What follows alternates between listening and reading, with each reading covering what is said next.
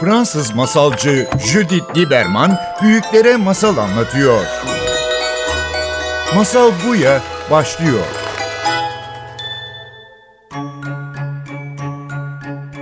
Masal Buya'ya hoş geldiniz. Bugün stüdyomuzda Gülden Burut'la beraberiz. Gülden Psikolojik Astrolojik Akademisi'nin kurucusu ve önümde senin en son çıkarttığın ikinci kitabın Kül kedisi Pinokyo'yu seviyor. Masallardan mitleri 12 burç ve astroloji ile bakıyorsun çok ilginç bir buluşma noktası. Birincisi astroloji ve psikolojinin buluşma noktasıyla çalışıyorsun ama daha daha fazlası astrolojiye baktığın zaman astroloji ve mitler ve masalların buluşma noktasına bakıyorsun ki tabii ki burada masal bu ya da bizim ilgi alanımız. O yüzden ilk sorumla başlamak istiyorum. Madem masallar hakkında yazıyorsun, burçlar zaten birer arketip, birer kişilik psikoloji yani bu arkaik psikoloji olan bu masal sanatında masallar karakter gibidir burçlar. Sen madem bununla ilgileniyorsun, çocukken var mıydı senin hayatında masallar? Sana masal anlatıldı mı? Aslında daha çok tabii ki ben astrolojiyle işe başladım. Ama her zaman çok yoğun bir hayal gücüm vardı ve oradaki kahramanları aslında masallardan oluşan o kahramanları astroloji dünyasında gördüm. Yani bir oğlu o işte yavaş giden kaplumbağa gibi o masaldaki ve onlardan aralarında bağlantı kurunca arketiplerden yola çıkarak aslında astrolojiyi anlamaya yönelik ben masallara gömüldüm. Açıkçası. şimdi bu arketip kelimesi sürekli ben de Kur'an'ı sen de evet. Kur'an'ı sürekli kullanıyoruz. Hı hı. Ama biraz açıklayabilir misin? Açabilir miyiz bu kelimeyi? Arketip derken Nedir? ne kastediyoruz? Arketip aslında bizim yüzyıllar yani bütün tarih boyunca hafızamızda birikmiş olan bazı kayıtlar. Yani mesela bir insan hiç yılan görmese bile yılandan korkar. Aslında bu bizim insanlık tarihinde kafamızda oluşmuş ve bize aktarılan bir bilgi. Veyahut da bir kişinin yeni doğduğu zaman anneyle olan ilişkisi aslında hepimizin kafasında bir anne imajı var. İşte bu anne imajına, baba imajına, belki de yılan imajına milyonlarca arketip var. İşte o imajları biz arketip diyoruz. Yani bizim alt bilincimizin içinde yazılan bir bilgiden bahsediyoruz değil mi? Kesinlikle öyle. Öğrenilmiş değil, Hı hı. Aktarılmış değil, yazılmış belki de bir bilgelik. Kodlanmış ortak. bir bilgi. Kodlanmış bir bilgi. Ve sen o masallara ki masallar da aslında bizi aktarılan anlata anlata ama çok eski hep yanımızda olan bu metinleri ve bu burçların ortak noktaları baktın. Örneğin ben hemen kaplumbağa ve tavşandan bahsetmeye başladın. Çünkü bu oğlaklarına benzetirdiğin masalı. Ben Aynen. oğlağım evet. e, ve senin kitabına baktığım zaman hı hı. hemen diyorsun ki oğlaklar yani genellikle astrolojiden bahsettiği zaman insanlar biraz böyle genel tasvir eder. Evet. İşte derler oğlaklar böyle insan, hı. şöyle insan, bundan evet. korkar, bunu ister. Ama senin kitabını okuduğum zaman birden önümüzde bir masal var. Aynen öyle. Diyorsun ki işte bizim La Fontaine'in masalı var ya hı hı. kaplumbağa vardı, tavşanı vardı. İşte sen oğlak. Evet. O kaplumbasın. Evet. Ne kastediyorsun orada? Aslında ben e, biraz da kritik olarak astrolojiye yaklaşacağım. Genelde hep sıfatlarla anlatılıyor burçlar. Tabii ki sadece burçlar değil olay ama e, ben bir, bir kimsenin bir şeyi neden yaptığını anlamak için masallardan yola çıktım. İşte orada kaplumbağanın ağır gitmesi ama sonuçta hedefine ne olursa olsun ulaşması. Oğlak davranışı aslında baktığınız zaman sabırlı, sakin, disiplinli, kararlı, hedefine yani zamanla da olsa varabilme potansiyeline sahip. Ama bu her oğlağın böyle olduğu anlamına gelmiyor aslında. Sen yengeç olarak senin masalın neydir? Benim yengecim Hansel ve Gretel'di. Çünkü evden uzaklaşma travması yaşayan ve ondan sonra eve döndükleri zaman da ailesine zenginlik katarak aslında iç dünyasına zenginlik katarak dönen evden ayrılma veyahut da e, fobisi veyahut da travması olan veyahut da ailesine çok düşkün veyahut da annesinden babasından nefret eden bir yengeç de olabilir. Aile travması aslındadır bu. O anlamda oradan yola çıktım. Tabii ki bir sürü masal, bir sürü mitos ele aldım. Ama o kadar çok var ki arketip. Yani şu an bile günümüzde bile hani sokakta bir e, çocuk bir anne arasındaki işte bir diyaloğu gördüğünüz zaman aslında benzer hikaye. Sen şimdi büyük bir ihtimalle karşılaştığın her masala diyorsun ki aa bu tipik bir terazi, ay bu tipik bir aslan değil mi? Aynen öyle. Kül kedisi mesela hemen diyorum ki balık işte mesela. Neden? E, kül kedisi çünkü kendini harap ediyor başkaları için. Yani kurban ediyor aslında ve balıkların da en büyük sorunlarından bir tanesi kurban edilme veyahut da kurban etme durumu. Yani ikisi de aslında aynı şeydir. kurban etme, kendinden vazgeçme, kendi benliğini ortaya koyamama gibi. Peki şimdi sen danışanların var. Hı Bir hı. psikolog olarak çalışıyorsun. Evet. Bir psikoloğun cebinde bu kadar masal ve bu kadar borç bilgisi, bu kadar arketip bilgisi olması psikoloji çalışmalarına neler katıyor? Şimdi ben Jungian psikolojiyle çalışıyorum. O yüzden zaten Jung ve arketipler el ele gitmiş bir durum.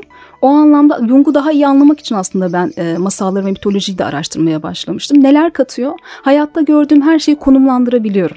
Yani benzetebiliyorum aslında. İşte ne bileyim ben e, böyle işte salına salına giden bir Venüs kadınını gördüğünüz zaman aslında Afrodit. Marilyn Monroe aslında Afrodit. Bugün modern dünyadaki e, ilgi ve cazibe merkezi olmak isteyen kadın da aynısı. Bunlar benim onu anlamamı kolaylaştırıyor aslında. Hayatı anlamamı kolaylaştırıyor. Peki danışanlarına bu masallar ya da bu burçtan bahsediyor musun? Masallardan mesela danışan geldiği zaman diyelim ki ilişkilerde başarısız bir danışan geldiği zaman ona belki ormandaki bir masaldan bahsediyorum. Yani işte Hangi e, masal diyelim? Aslında onu ben bazen kendim bile üretebiliyorum masallar. Çünkü o kadar bir e, seviyorum. o Üretmeyi de simgesel seviyorum. dili yardım ediyor aslında. Yani Kesinlikle öyle. metaforik bir şekilde. Direkt konuşmak ağır mı geliyor insanlara? Dolay yani çok basit anlatmak gerekiyor. Yani çok ağdalı, çok karışık sözcüklere gerek yok. Yaşam o kadar karışık değil aslında. Yani mesela bir avcı ve av metaforundan yola çıkarak bir ilişkiyi anlatmak bir insana sen şöyle yapmalısın, böyle yapmalısın veyahut da orada bir farkındalık kazandırmaktan daha etkili oluyor. Çünkü kendini direkt işte oradaki av pozisyonunda hani avcının da avla ilgili olan bir ilişkisi var aslında. Tabii bunu ben yeni türettim Ee, ve bunu belki yeni kitabımda da böyle kullanmak istedim ama yani burada ufak metaforlardan gidiyorum ben gördüğüm, Yani- adlandırdığım şeylerle. Aslında insanlara bir tavsiye vereceğine onlara bir hikaye vermeyi tercih ediyorsun. Yani şöyle yap böyle yap deyince aslında biz tavsiye takip etmeyi sevmiyoruz değil mi? Hepimiz tavsiye vermeyi bayılıyoruz. Aynen öyle. Ama almaktan nefret ediyoruz ve takip ettiğimiz nadir oluyor. evet. O yüzden sen onun yerinde insanlara bir tavsiye değil de bir metafor, Evet. uydurduğun ya da bulduğun bir masal veriyorsun. Aynen. Peki ne tür değişiklik yaratıyor? Var mı bizimle paylaşabileceğin Ee, bir vaka ya da bir örnek? Mesela çocuk gelmişti 15 yaşında ailesi getirmişti. Tabii ki ben normalde bir psikologla beraber çalışıyorum. Sonuç olarak hani çünkü ben yüksek lisans yaptım psikolog ünvanım yok. O anlamda e, onun e, iki yıl işte iki buçuk yıl tedavi almış hastalarına yardımcı olabiliyorum bazen. O hastalara yardımcı oluyorum. 15 yaşında bir kız gelmişti. E, çok fazla hani e, yaşamak istemediğini söylüyordu. Hep bu kız iki yıldan beri gelen bir danışandı e, psikolog arkadaşıma. E, onunla ilgili mesela e, tabii haritadan yola çıkarak bazı şeyleri söyleyebiliyoruz. Yani bir insana neyin iyi gelebileceğini aslında. Neyi onu dönüştürebileceğini. Çünkü çok basit şeyler çok büyük şeyleri doğurabiliyor. O yüzden orada bazı astrolojiyi kullanarak aslında burada ben biraz astrolojiyi kullanıyorum belki de. Oradan yola çıkarak o kişiyi hayatla biraz daha temellendirmek, hani toprakla temellendirmek, şekil oluşturmak. Yani bu dünyada yaşıyorum ben duygusunu verebilmek amacıyla belki orada bazı şeyler oluşturarak insanların hayatına dönüşüm yaratabiliyorsunuz. Tabii ki ben bunu dediğim gibi kontrollü olarak yapıyorum. Yani sadece ben bir terapist olarak ele almıyorum işi. Çalıştığım bir terapistle beraber ilerliyoruz ama bunun dönüştüğünü görüyorum insanların yani. Senin akademin var. Psikolojik Astrolojik Akademi Doğrudur. ve tahmin ederim ki buraya birçok psikologlar senden eğitim almaya gidiyordur. Psikiyatrist, psikolog, ondan sonracıma emekli insanlar, hala okumak, öğrenmek isteyen insanlar, Peki gençler. o psikologların bu bakışı nedir? Çünkü eminim şu an bizi dinleyen birçok insanlar diyordur Evet. ki "Ya, psikoloji bir bilim olarak biliniyor ama astroloji bir hobi ya da böyle biraz böyle e, sayfaların arkasında bulunan bir e, Fal. fal tarafı olarak sen fal tarafıyla ilgilenmiyorsun. Sen o kişilik haritaya bakıyorsun. Yani e, tam o kişinin kişiliği yıldızlarda yazılan kişiliğe bakıyorsun ama yani tabii ki bir yandan psikoloji çok ciddi bir bilim ya da psikiyatrist diyorsun yani tıbbi bir yaklaşım ve yıldızların arasında sanki bir çelişki var. Evet. Aslında astroloji eş zamanlılık ilkesine göre çalışıyor. Yani yerde ne varsa gökte de aynı şey oluyor. Yani onlar bizi etkilemiyor. Koskoca Mars milyonlar kilometre ötede beni etkilemiyor tabii ki. Eş zamanlılık ilkesi. Birbiri- Birbirinden bağımsız olaylar aynı anda oluyor. Aynı Jung'un söylediği gibi. Bu ilkeye göre de ben fark Jung- ettim. Jung dedin, Jung astrolojiden bahsediyor mu? Hem de nasıl ilgileniyor. Mesela diyor ki işte bana en fazla hasta Uranüs'le e, Uranüs transitle Satürn transitinde gelir diyor mesela. Çünkü oradaki şeyin farkına varıyor. Çok ilginç söylediğin şey çünkü ben böyle bir şey okumuştum bir kere. Avrupa'da psikolojik hastanelerde dolunay gecelerinde ekstra personel alındığını Hı hı. çünkü dolunay geceleri özellikle ruhen dengesizlik yaşayan insanlarda Hı hı. daha fazla coşma ve Evet. daha fazla da aynı zamanda şiddet yaşanıldığını Evet. söylüyorlardı. Evet, içsel dürtülerin daha fazla ortaya çıkmasıyla alakalı astrolojik olarak anlamı. E, o anlamda bizim için de çok fazla anlamlı tabii ki. İşte bu şekilde yani oradaki olayın bizimle bizdeki yarattığı durum, duygu değişikliği, durum değişikliği. Yani şu anda aslında astrolojide diyor ki şu anda sen nesin, kimsin, ne yaşıyorsun, ne yapabilirsin? Jack ve Jack'lardan ziyade şu anda ne yapabilirimin üzerinden gidiyoruz. Çok ilginç bir şekilde 19. yüzyıla kadar Hı hı. Fransa'da Sorbonne'da astroloji öğretilen bir bilim. Ve o yüzden Sorbonne'un ders kitapları var astroloji ile ilgili. Yani aslında astroloji biraz ünden düşmüş Çünkü ya da rahbeti kaybetmiş bir bilim aslında. akıl girdi devreye, zihin girdi devreye. Bazen insan olarak aslında her şey yapabilme potansiyelimiz var. Ama akıl ve zihin, bilimi tabii ki ben bir bilim insanıyım, ben bir mühendisim sonuç olarak. Ee, Bir bilim kadınıyım ve bilim dersleri aldım ama çok başka bir şey de var. Farkında olmadığımız bir bilgi var ve milattan önce 4000'den yazılı olarak tabii ki 4000 ile başladığı için bugüne kadar gelmiş kadim bir bilgi. Ve bu bilgiyi e, araştırdıkça kayboluyorsunuz. Çünkü latincesi var, çeviriler var, o kadar çok bilgi var ki yani inanamayacağınız kadar. Ben yaklaşık olarak 5 yıldır bir araştırmacı olarak çalışıyorum bu konuyla ilgili. Ve hala ve hala yani araştırmaya, öğrenmeye devam ediyorum. Çünkü beni sürekli şaşırtan bir şey. O yüzden belki de astrolojiyle ilgilendim. Evet ve bu araştırmaların zaten mitolojik astroloji ve psikolojik adlı senin birinci kitabında aldın. Bu iki kitaplar çok farklı. Evet. Yani biri biraz daha fazla benim burcum nedir, benim hikayem nedir, acaba Gülden bana hangi masal seçti ve nasıl anlatacak? Ama mitolojik astroloji kitabında biraz daha o araştırma tarafını. Aynen. Orada tam olarak ne bulacağız? Orada şey bulacaksınız. Aslında e, bütün Yunan mitolojisinden e, Babil, Mısır, e, Roma'dan yola çıktım. Tüm mitolojileri araştırdım. E, 150 tane kaynak kullandım. Orada kendinizi tabii biraz teknik. Hani acaba daha teknik olduğu için ürkütücü geliyor baktığınız zaman ama orada mitolojiyle ilgilenen kişiler için çok daha fazla öykü olacak. Yani orada mesela Mısır'da bir akrep tanrıça Serket'e gideceksiniz. Akrepi anlamak için. Hani bu böyle kindar olan akrep tanrıçası gibi şekli daha detaylı, daha fazla mitos var. Ya senin söylediklerin beni çok dokunuyor. Çünkü şeyden bahsediyorsun. Bir yandan diyorsun mühendisim, bilim insanıyım. Bir yandan da psikoloji, mitoloji, astroloji bu biraz daha yumuşak yanları var. Evet. Ve bundan vazgeçmek istemiyorum. Çünkü o iki tarafım var. Akıl var, Evet. bir de sezgi var yani Aynen hayatta. Ve ben şeyi çok seviyorum. Eski Yunanlıların böyle bir inancı vardı. İki ayrı beynimizin olduğunu söylüyorlardı. Mitos ve logos. Aynen.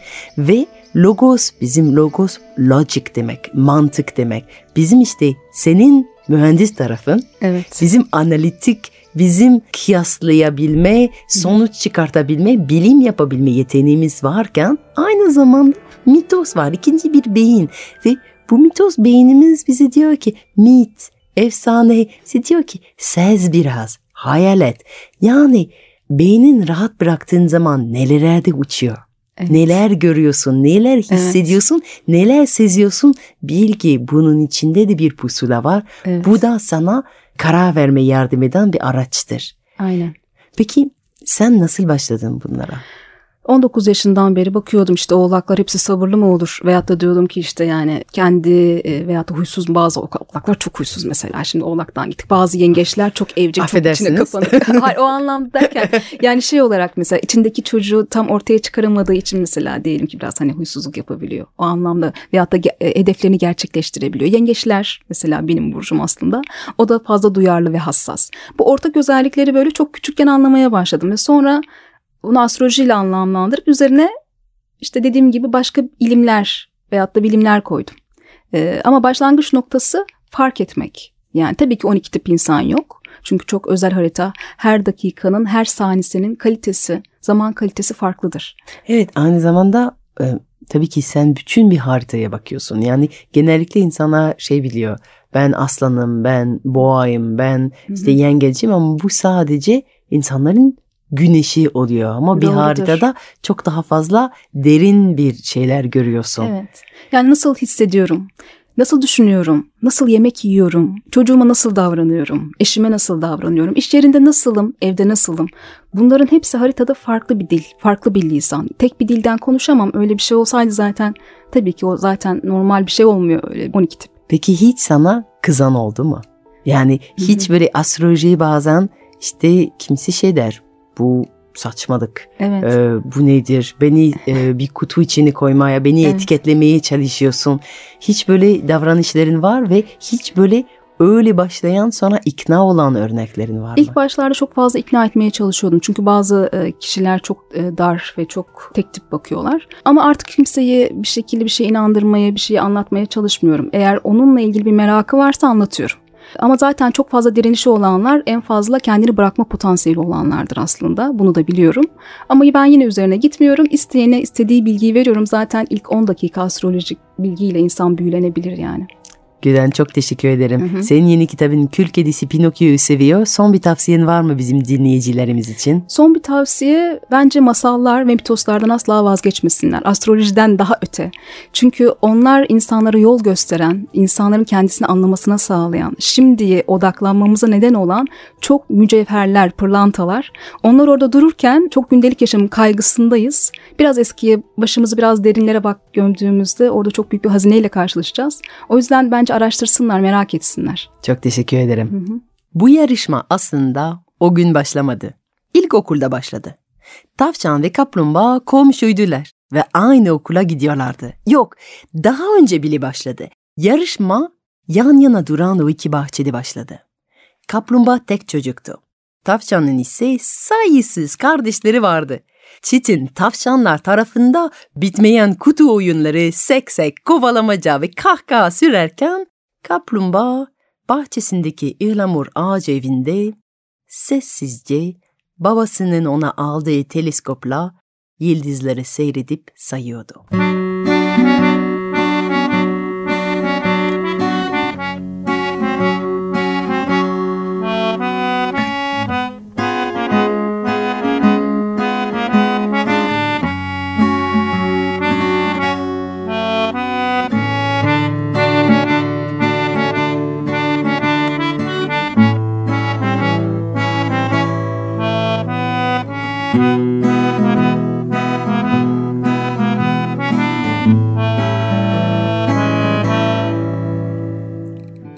Sonra okulda tabii ki herkes tavşanı tanıyordu. Zaten kardeşleri ve kuzenleriyle beraber onlar sınıfın yarısıydı. Herkes onunla arkadaştı. Bütün oyunları o kazanıyordu. Çünkü her zaman en hızlı o koşuyordu. O oyunlara kaplumbağa katılmıyordu. Kimse onu ekibine seçmezdi zaten. Yok. Kaplumbağa sınıfta kalıp roman okuyordu. Kütüphanedeki kitapları tek tek devirip hayal kuruyordu. Aslında buna bir yarış denemezdi. Çünkü tavşan çok öndeydi ve kaplumbağa çoktan vazgeçmişti. Zaman geçti, ikisi büyüdü, kaplumbağa üniversitede sessiz başarılara ulaştı, yazdığı makaleler ve kitaplar onları anlayabilen dar bir çevreyi etkiledi. Üniversitede az tanılan ama saygı duyulan bir hoca oldu. Onun için sabah denizi gibi, üstü sakın, içi derin derlerdi. Tavşan, basketbol, koşu, futbol her sporun yıldızı oldu. Üniversitede sayısız tişörtlere imza attıktan sonra kasabaya meşhur biri olarak döndü. En güzel tavşan kızıyla evlenip geniş bir aile yetiştirmeye başladı. Ailesiyle beraber şehrin en büyük süpermarketini açtılar. Ucuz havuçlar. Tabii ki de şehrin her bir köşesinde dükkanın reklamları vardı. Tavşan çeşitli ürünleri dev gülümsemesiyle kasabanın duvarlarını kaplayan posterlerde sunuyordu. Sadece sokak değil, tanıtım sosyal medyada da başlamıştı. Tavşanı tanımayan yoktu, beğenerek takip etmeyen de yoktu.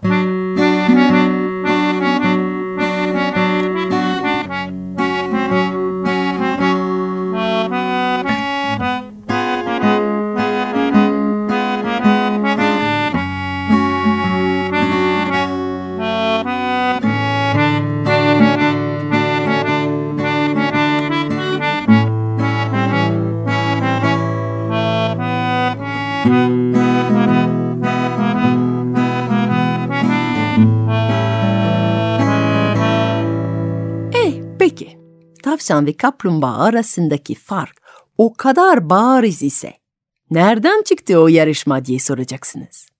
Fikir tavşandan geldi tabii ki.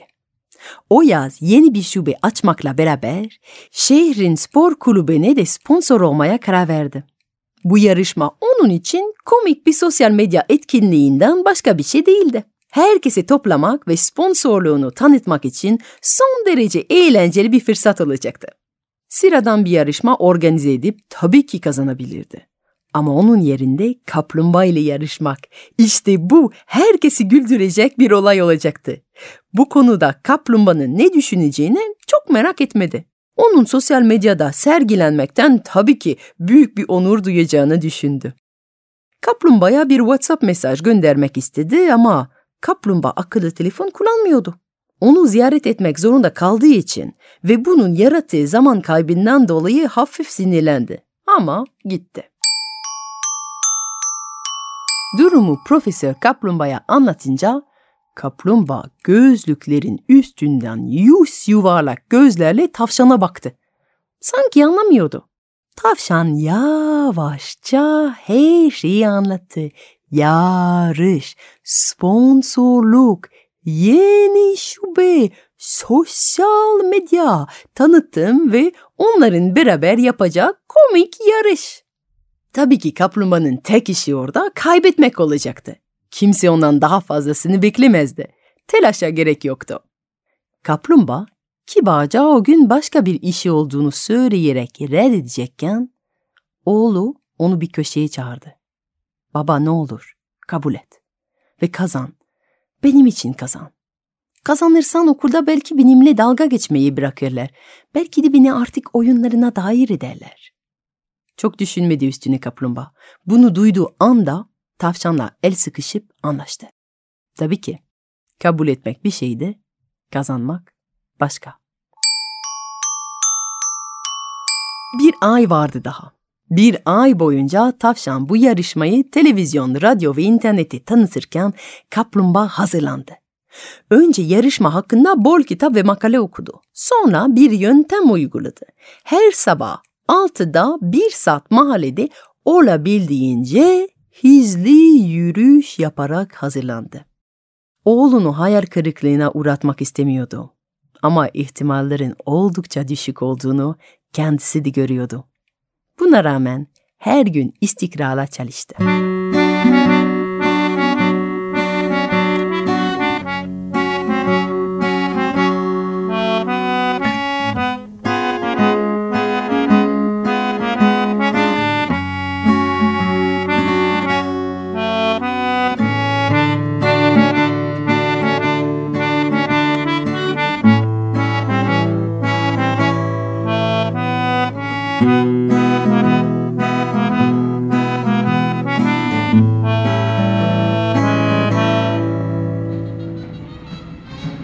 Yarış gününde kasabadan herkes gelmişti.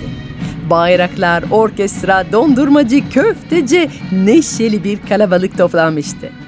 Yarış başladı, kaplumbağa başladı. Her yarış bir adımla başlamaz mı? Bir adım ve bir tane daha, bir adım ve bir tane daha ilerlemeye başladı. Seyreden kalabalık onun eforuna şahit olup gülmekten gözyaşı döktüler. Şuna bak ay Allah'ım ne tatlı. Bayağı da dinliyor değil mi? Ay yazık ne komik. Tavşan ise tavşanın tabii ki acelesi yok. Hazır herkes toplanmış birkaç işleri vardı. Hayranlarıyla fotoğraf çektirmek, canlı yayın yapmak, Instagram hesabına başlangıç pozunu yüklemek, sonunda yola çıktığında ise kaplumbağa çok ilerlemişti. Ama onu yakalamak kolay olacaktı. Koşmaya başlayınca telefonu çaldı. Durup sohbet etti. Ardında birkaç mesajlar attı.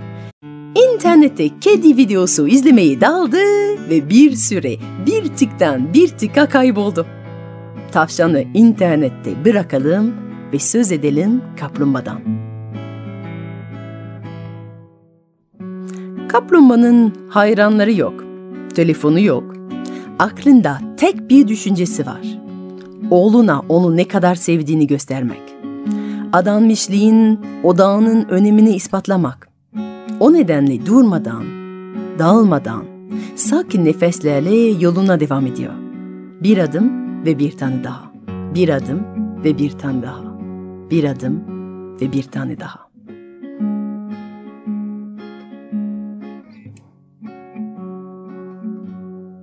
Tavşan kafasını kaldırınca kaplumbağa yolu yarılamıştı. Tavşan koşup onu yakalamaya başladı. Tam ulaşacakken onun geçti anı ne güzel bir selfie fırsatı olacağını aklına geldi. Ne yazık ki selfie çubuğunu yanına almaya unutmuştu. Sorun değil. Hemen geri koşup onu almaya karar verdi. Dönünce tabii ki birkaç arkadaşıyla sohbete daldı. Yorulmuştu, çaylar geldi.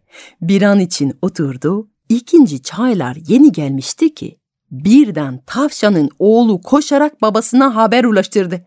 Kaplumbağa yarışı bitirmek üzereydi. Herkes kahkaha attı, tavşan da. Harika bir foto fırsatı olacak.